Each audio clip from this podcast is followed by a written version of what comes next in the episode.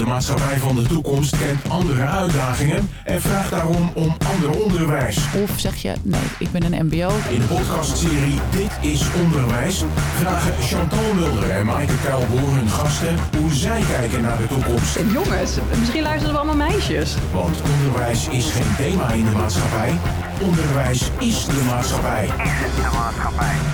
Ja, welkom bij weer een nieuwe aflevering met een nieuwe gast. En in onze studio hebben we Ben Tap. Goedemiddag Ben. Goedemiddag. Fijn dat je er bent.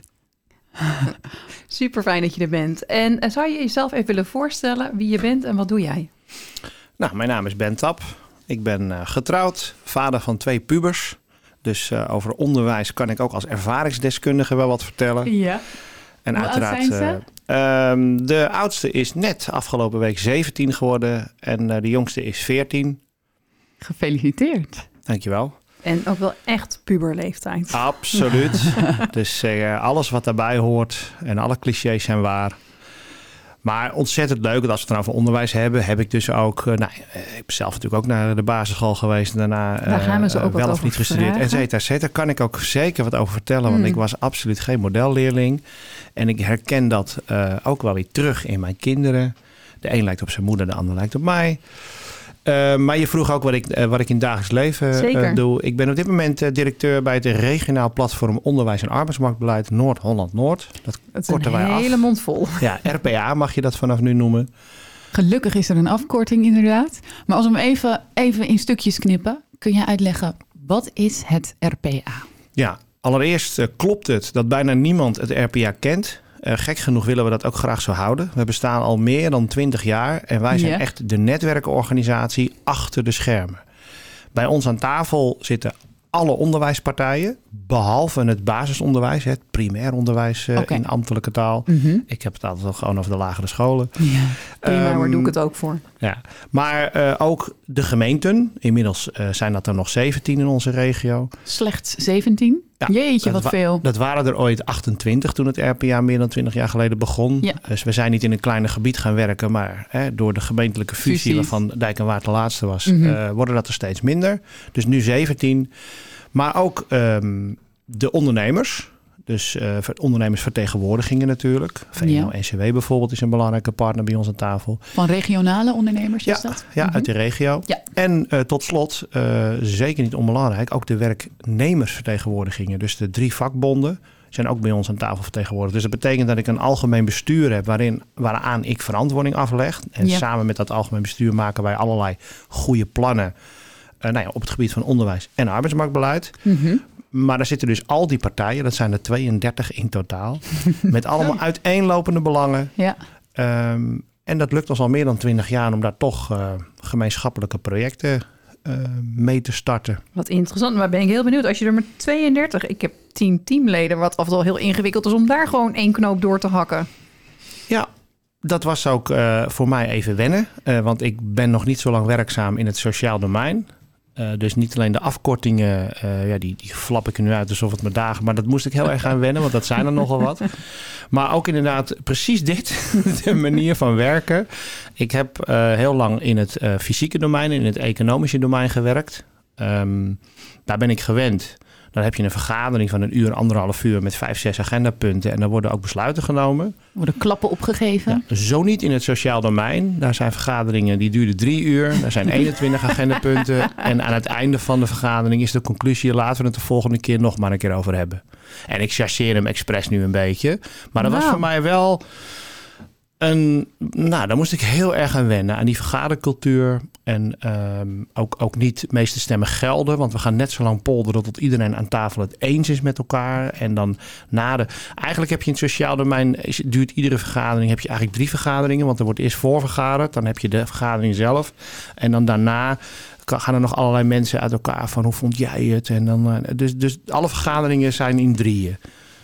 Is mijn eh, waarneming. Interessante analyse. Nou, inderdaad. En hij is wel een beetje herkenbaar in het onderwijs. In ieder geval als ik naar mijn eigen team kijk. Ja. Laat ik dat voorop stellen. Hmm.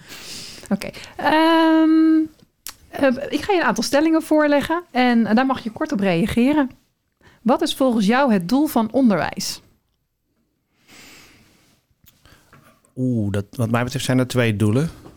Namelijk enerzijds eh, educatie, dus gewoon mensen iets bijbrengen. Maar dat andere doel is wat mij betreft eh, het, het, het samen, dus het, de sociale vaardigheden.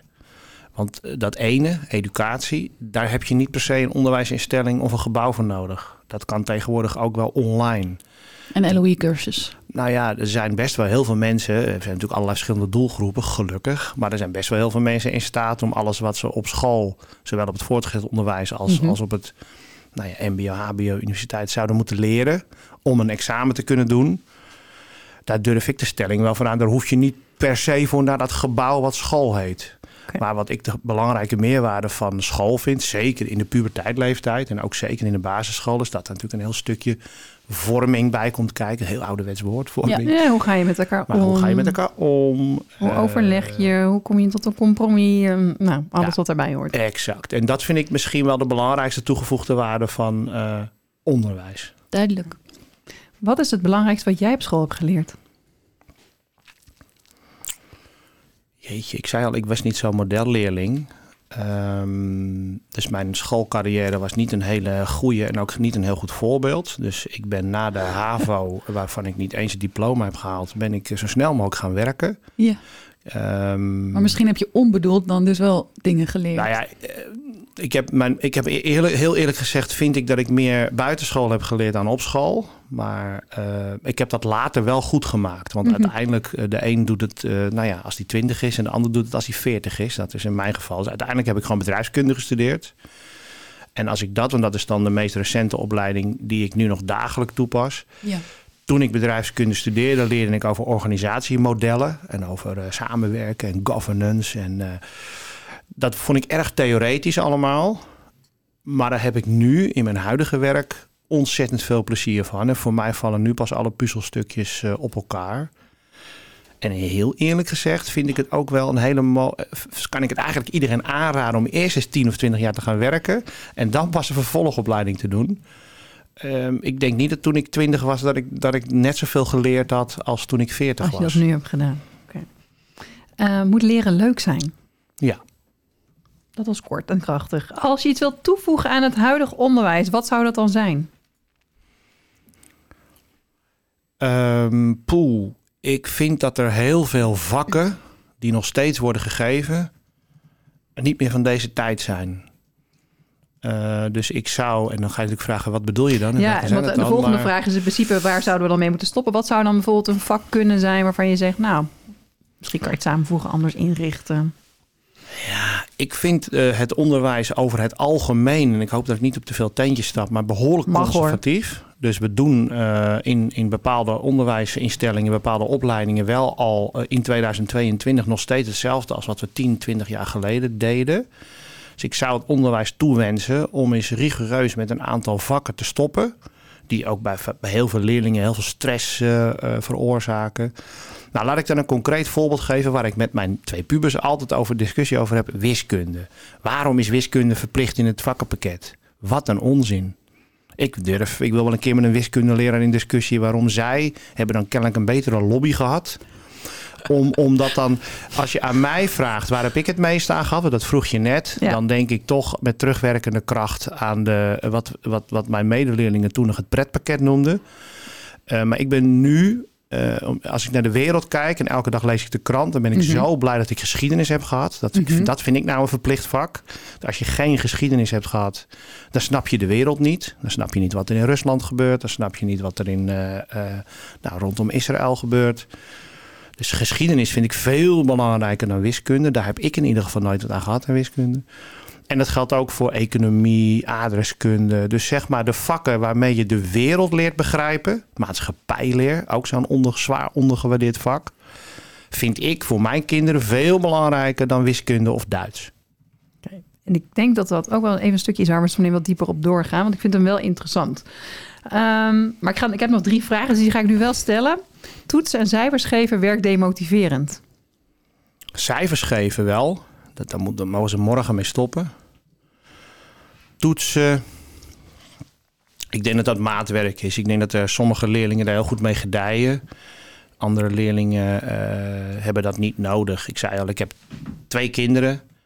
De een eh, die is gek op toetsen, die zit op, in 3 VWO, die haalt super hoge cijfers, maar die vindt school echt super stom, super saai en echt zonde van zijn tijd. Boeken lezen, die docenten hebben, hij komt echt thuis, nou weer een dag verspeeld.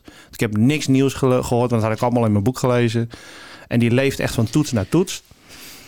Nou, wat ook je mening is over het onderwijs. Ik vind het wel heel erg om te horen dat een jongere thuis komt en zegt: Ik heb weer een, dag, verspeeld. hè? Ja. Nou, dat vindt hij echt. Hij is blij dat hij s'avonds naar voetbaltraining mag, want dat vindt hij wel leuk. Ja. En eh, die toets, ja, daar zit hij ook niet op te wachten. Maar goed, die gaat hij dan gewoon heen. Dan leest hij zijn boek drie keer door en dan doet hij een toets en haalt hij negen. Sommige mensen hebben dat. Nee, dat heeft hij niet van mij. Maar dat is meer dus een soort wedstrijdje voor hem, voor hemzelf. Ja, maar en, en wat ik dan eh, erg vind, want ik mag hem gelukkig met een aantal vakken helpen met huiswerk en, en overhoren, Mhm. ehm, is dat die jongeren nu al, want dan heb ik het over een jongen van 14, Ja. heel berekenend is. Ja. En als ik dan eh, geschiedenis, nou dat, zou, je- dat vind ik dan leuk, geschiedenis, aardrijkskunde, economie. eh, maar dan, dan wil ik er heel veel bij vertellen. Ik heb toevallig het laatst gehad over het ontstaan van, van de Sovjet-Unie. Ja. Ja, dan wil ik natuurlijk de link leggen naar, naar, naar het heden. Ja. En dan zegt hij meteen binnen twee minuten: Pap, dat hoef ik allemaal niet te weten, want dat gaan vragen ze niet op mijn toets. Ja. En dat vind ik jammer. Dus een goede docent, vind ik, die gaat leren, die maakt zeg maar eh, de verbinding tussen de theorie uit het boek en wat er eh, vandaag in de wereld gebeurt. In Nederland of in Europa of in de Mhm. wereld. Ja, dat zou ik. En dan hoop ik dat iemand thuis komt en zegt: Ik heb vandaag nieuwe dingen geleerd. Sterker nog, ik heb ook nog dingen geleerd die niet in mijn boek stonden en die ze misschien ook niet om het toets gaan vragen. Nee, maar die wel ook eh, helpen bij gewoon in welke wereld leven we nu. Ja, de, de krant begrijpen, het journaal begrijpen en de dingen die in de wereld gebeuren begrijpen. Volgens mij is dat een belangrijke taak van het onderwijs. Maar daar heb je en bevlogen docenten voor nodig. En daar heb je ook wel leerlingen voor nodig die daarvoor openstaan. Nou, daar is denk ik nog een wereld eh, te winnen. Oké. En als ik aan jou vraag, kinderen worden nu prima voorbereid op de uitdagingen van de toekomst. Nou, dat denk ik niet. Eh, de vraag is natuurlijk hoe gaat de toekomst eruit zien. Wat ik mooi vind van de toekomst is dat we het niet weten. Er staat hier geen glazen bol op tafel. Eén ding weet ik, dan maak ik maar weer even het linkje naar het werk waar ik me dagelijks mee bezig ga met de arbeidsmarkt. Ehm, er gaan de komende 10 tot 15 jaar allerlei banen ontstaan die we nu nog niet kennen. Nieuwe functies, nieuwe namen, nieuwe competenties, nieuwe skills. En wij leiden op voor banen die op een hele korte termijn allemaal gaan verdwijnen. Ja, en als ik daar dan op aanhaak met de laatste vraag. eh, als je kijkt naar die nieuwe banen en die nieuwe skills. Wat zou dan nu een belangrijke vaardigheid of competentie zijn die iedere jongere dan zou moeten hebben meegekregen? Eh, waar ik enthousiast van word, is eh, dat zie je op heel veel scholen tegenwoordig. Dat de ene keer noemen ze het een technasium en de andere keer noemen ze het Ja. O&O, hè, onderzoek en eh, ontwerpen. Ja. En wij, dat- wij weten wat dat is, maar sommige mensen die luisteren misschien niet. Kun jij vanuit jouw ervaring een beetje omschrijven wat dat Nou ja, dan dat, is? dat vak of die, die, die uren vind ik het meest nuttig op een school. Want daar eh, worden leerlingen geconfronteerd met nou, probleemstellingen, opgaves, uitdagingen uit de dagelijkse praktijk. Ja, ik geloof dat het bedrijfsleven komt met casus waar de leerlingen eh, projecten mee moeten doen. Ja, en dan leren ze samenwerken, want ze Mhm. moeten zelf de taken verdelen in het Ja. groepje. Klopt. Ze leren creatief nadenken over hoe, hoe zouden wij dat probleem oplossen. Ja. En niet zelden leidt een oplossing van nou, jonge mensen Ja. Ook eh, tot oplossingen die dan vervolgens het bedrijf ook daadwerkelijk gaat, eh, gaat toepassen. Ja. Dus ik denk dat wij met te veel eh, ouderen aan het proberen zijn om problemen op te lossen. waar jongeren mee geconfronteerd worden. En volgens mij moet het gewoon aan de jongeren zelf vragen. Dus dat vind ik een leuk vak of een, of een leuke tijdsbesteding. Ja. Ja, en dat vind ik nuttiger dan, dan, dan Duits of Nederlands. Nou, je bent daar inderdaad heel duidelijk in. En wij worden altijd blij van duidelijkheid, want dan heb je iets te bediscussiëren natuurlijk. Ehm, stel, wij geven jou hier een, leeg blaadje. En jij mag het onderwijs helemaal gaan invullen zoals je dat zelf zou willen. Nou, dan weten we al, je schrapt een aantal vakken. Een aantal vakken wil je behouden. Ehm, hoe ziet dat onderwijs eruit voor jou? Nou, dat ligt er sowieso een beetje aan over welke leeftijdsgroep we het hebben. Maar laten we bij eh, begin beginnen. Ik ben fan van het Scandinavische model. Dus Ja. van zeg maar de brede school, Ja. waarbij je geen onderscheid hebt in eh peuterspeelzalen, kinderopvang, dan de basisschool en dan weer het voortgezet onderwijs. Eigenlijk onderwijs van 4 tot 18 jaar oud. Zeker, zeker. Waarbij ik een hele belangrijke vind dat we, ik, ik van mening ben dat wij onze kinderen in Nederland op veel te vroege leeftijd laten kiezen. Dus de beroepsoriëntatie, de beroepskeuze. Want die En- is nu na de eerste twee jaar middelbare school vaak al gemaakt. Ja, en eigenlijk nogal Ja, eerder. misschien al eerder soms Eigenlijk zelfs. moet je in groep 7, groep 8 al kiezen of je naar het eh, praktisch onderwijs of het theoretisch onderwijs gaat. ja. Eh, daar gaat het wat mij betreft al mis. Ehm, Dus niveaus afschaffen. Ja, je hoort mij heel bewust ook niet over hoger en lager onderwijs spreken. Ik probeer die woorden te vermijden. Mhm. Ehm, en we, we weten allemaal de negatieve connotatie van VMBO en MBO. Nou, dan moeten we allemaal die discussie moeten we allemaal niet voeren, want dan moeten we gewoon mee stoppen. Dus ik geloof inderdaad in een hele brede school van, nou, ja, precies wat je zegt, van, van, van eigenlijk van, van, van 0 tot, tot, tot 16 of van 0 tot 18. Ja. Maar dan ook ehm, die lang duurt. Dus, dus dan gaan de leerlingen die dit horen niet leuk vinden. Want ik vind dat je echt heel lang op school moet zitten. Jouw Maar kind van ook- 14 denkt, oh mijn god, nu Wat moet ik mijn nog vader. Ja. nu allemaal? Ja, maar ik vind dus ook dat daar lessen bij horen als muziek, ehm, eh, nou ja, handvaardigheid, techniek, eh, nou ja, eh, sport. Mhm. En waarom? Omdat ik eh, zie in de maatschappij dat, dat er een enorme tweedeling aan het ontstaan is. Van Ja. mensen die wel sport en muziek krijgen aangeboden. Vaak een kwestie van geld. Oké. En eh, leerlingen die dat best wel zouden willen, maar dat niet krijgen of niet kunnen. Of dat er keuzes worden gemaakt en dan zijn ze alleen maar bezig met voetbal. Ja. Dan denk ik van, god wat jammer waar- dat je niet ook op judo hebt gezeten. Wat breder. Hey, en wat maakt dat dan uit? Of iemand wel of niet sport en cultuur of kunstonderwijs heeft gehad? Wat mij betreft heel erg veel. Ik vind dat als je ehm, de wereld wilt begrijpen en als je je wilt staande houden in deze eh, complexe wereld, Ja. dat het heel belangrijk is dat je ook die kant eh, ontwikkelt. Ehm, ik ben zelf kunstdocent hoor, dus ik wil het natuurlijk heel graag met je eens zijn. Nou, dat wist ik niet. Maar het is ook een beetje mijn taak om irritante vragen te stellen. Daar krijg ik heel veel geld voor eh, van Richard. Dat weet hij nog niet, maar dat is. Ehm, maar wat, wat, wat maakt het uit of jij wel of niet handvaardigheid les hebt? Wat brengt dat jou dan? Hoe, hoe ga je dan die complexe wereld beter begrijpen? Ja, ik was er zelf ook geen fan van, moet ik eerlijk zeggen. En achteraf ben ik nu best een handige klusser. Ja. Dus, dus het, wat ik me er nog van kan herinneren, eh, en daar vind ik, eh, daar heb ik veel te weinig eh, les in gehad. Mhm. Het begint met materialen. Gewoon eh, klei, hout, papier, karton. Ja. Ik vind dat echt, dat vind ik nou educatie. Ik vind dat iedereen die op school heeft gezeten, moet gewoon materialen kennen. En dan vervolgens, eh, wat kun je daar dan mee? ja, ervaren. ervaren. En dan moet ik er ook wel bij zeggen, dan is het ook nooit goed of fout. Want mijn herinneringen aan mijn handenarbeidles en mijn handvaardigheidsdocent, nou, die zijn echt heel slecht. Ja, we gaan geen namen noemen, maar dat is misschien de reden dat jij zegt cijfers afschaffen. Nou ja, ik, kan, ik heb serieus meegemaakt dat ik met al mijn, eh, met mijn twee eh, eh, linkerhanden een, een asbak had gekleid. waar ik Toen mocht dat nog. ontzettend trots op was. Ja. Ja. En dat mijn han, handenarbeidjuf, die, eh, die, die weer in elkaar eh, eh, sloeg tot een bonk klei. En die zeiden van, nou, dat, die is zo lelijk, die gaan we niet bakken. Daar heb ik nou nog een trauma over. Dat snap ik. Ik denk ook dat dat inmiddels strafbaar is, hoor. Maar dat weet ik Ik niet het. zeker. Ja. Dan gaat het tegenwoordig gelukkig meer over het proces en eh, een stukje reflectie op jezelf daarin van goh, hey, waar ben je dan wel Hopelijk. trots op en eh, hoe, heb je het, Hopelijk. hoe is het tot stand gekomen? Ja, ja. Oké, dus wij gaan vakken als economie, aardrijkskunde, maatschappijleer, geschiedenis in het vakkenpakket stoppen. Ja. En kunst en cultuur. Kunst en cultuur en sport. En daarmee zit de week vol. Misschien Ja, Nederlands nog, en eh, wiskunde doen we niet meer, toch?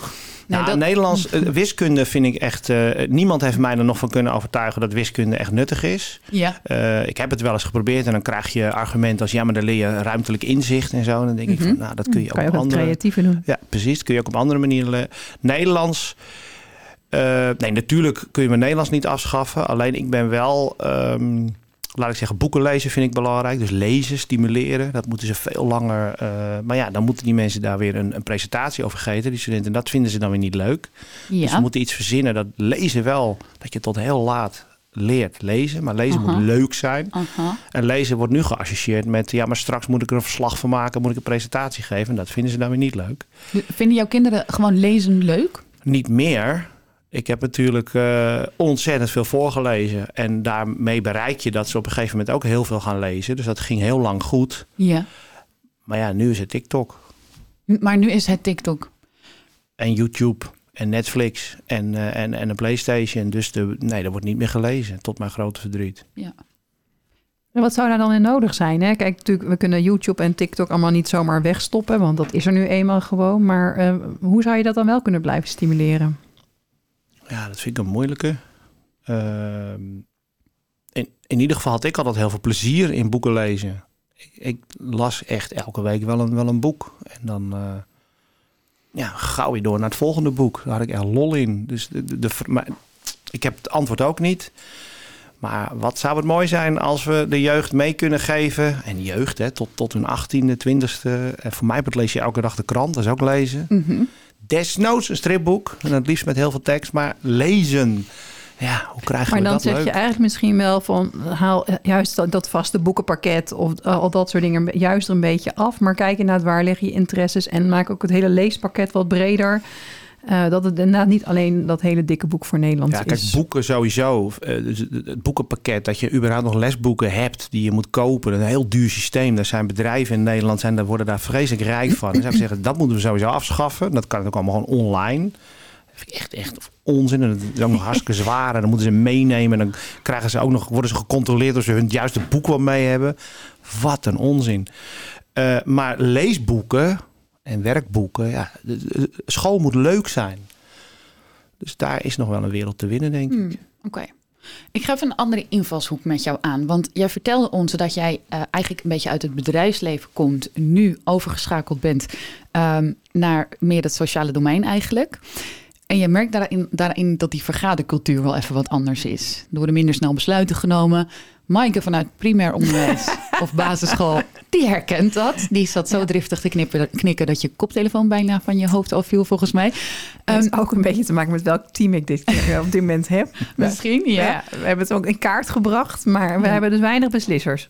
Wat hebben wij te winnen als onderwijs zijnde volgens jou, Ben, als wij uh, die vergadercultuur weten te, te veranderen of zo? Je hebt zelf het antwoord al gegeven net. Uh, er is namelijk heel veel behoefte aan duidelijkheid. Mm -hmm. En als jij een, uh, een, team hebt wat maar eindeloos door blijft kakelen en wat blijft zoeken naar, de, naar, naar, naar, naar het, uh, het, het samen, hè, naar het beste of ja. naar de consensus. Ja, waar iedereen het over eens is. Ja. Uh, ik geloof dat de consensus niet altijd het beste, het beste besluit is. Maar jij werkt zelf nu in een beetje zo'n soort omgeving. Ook daar worden besluiten niet snel of keihard genomen. Ja, daar heb ik wel wat aan veranderd hoor. Ah, hoe oh, doorbreek hoe je dat? Ja, geef ons tips. Maaike oh, schrijft mee. Ik schrijf mee, ja. Als je voor, uh, voor de derde achtereenvolgende keer over hetzelfde onderwerp vergadert... en het dreigt weer aan het einde zijn van... nou, we zijn niet rijp om een besluit te nemen... Mm -hmm. heb ik op een gegeven moment gewoon gezegd van... nee, we gaan het wel doen of we gaan het niet doen. Ik vind het allebei goed, maar we gaan het er niet meer over hebben. Dus ik wil nu een ja of een nee. En als het een nee is, wil ik het er ook de komende zes maanden... niet meer terug op de agenda. Ja. En dat vonden ze in het begin wel, wel moeilijk, wel schrikken. Later zeiden mensen, jee, wat lekker. Weet je wel hoe lang we het hier al over hebben? Wat fijn dat dat van de agenda is. Dus uh, minder agendapunten, focussen. En soms, um, maar dat heb ik ook in de politiek geleerd... soms is een minder goed besluit altijd nog beter als geen besluit. Want, Stappen nemen, besluiten maken... en eventueel later met de negatieve gevolgen dealen. Ja. Ook als je het hebt over het leren van jonge mensen. Ja, durf te experimenteren en blijf niet hangen in het, uh, in, in het verleden. Maar uh, waar, waarschijnlijk uh, duren die vergaderingen zo lang omdat het over vernieuwingen gaat. Meestal gaat het over vernieuwingen. Mm -hmm. En die, nou, ja, moeten we dat toch doen? En we doen het al honderd jaar en het gaat toch goed? En wat brengt het nu weer? Of wat hebben ze, ze nu weer bedacht? Hè, de directie ja. of de raad van toezicht. Ja. Durf te experimenteren. Wat een mooi advies. Ja, dank je. En ik denk dat het ook wel mooi is om mee af te sluiten. Hè? Durf te experimenteren. Mogen we die ook meenemen als een soort van een mantra voor, voor de jongeren van durf te, experimenteren, durf te experimenteren en ook alle mensen daaromheen. Nou, uh, jongeren die durven wel te experimenteren. Toen ik het ook zei, dacht ik, hmm, ligt op welke manier. Dus maar nou durf ook in het onderwijs en misschien ook wel gewoon in het bedrijfsleven, durf te experimenteren. En ja. kijk welke kansen daaruit ontstaan. Ja, ondernemers kunnen dat overigens wel heel goed hoor. En die, uh, dan proberen ze vijf dingen en dan gaan er vier dingen fout. Dus, nou, prima. En dan gaan ze gewoon door met de volgende. En dat ene ding wat wel lukt, dan gaan ze dan mee door. Dus we kunnen misschien ook wel heel veel leren van ondernemers. Ja, en dat is wel mooi, want daarmee sla je eigenlijk ook het bruggetje in het hele, in, in het hele doel van deze podcast. Inderdaad, dat onderwijs en maatschappij met elkaar verbonden is. Eh, ben, mogen we jou bedanken? Graag gedaan. En eh, heel fijn dat je bij ons te gast wilde zijn. En mocht je nog meer willen weten over Dit is Onderwijs, luister dan zeker eh, naar alle andere podcasten. Kijk op LinkedIn, Instagram, onze website. Je ziet ons overal. Dit was Dit is Onderwijs. Een podcast waarin we proberen verbinding te maken tussen het onderwijs en de dag van morgen. En de dag daarna. Dit is Onderwijs is een samenwerking tussen Streekstad Centraal en ditisonderwijs.nl.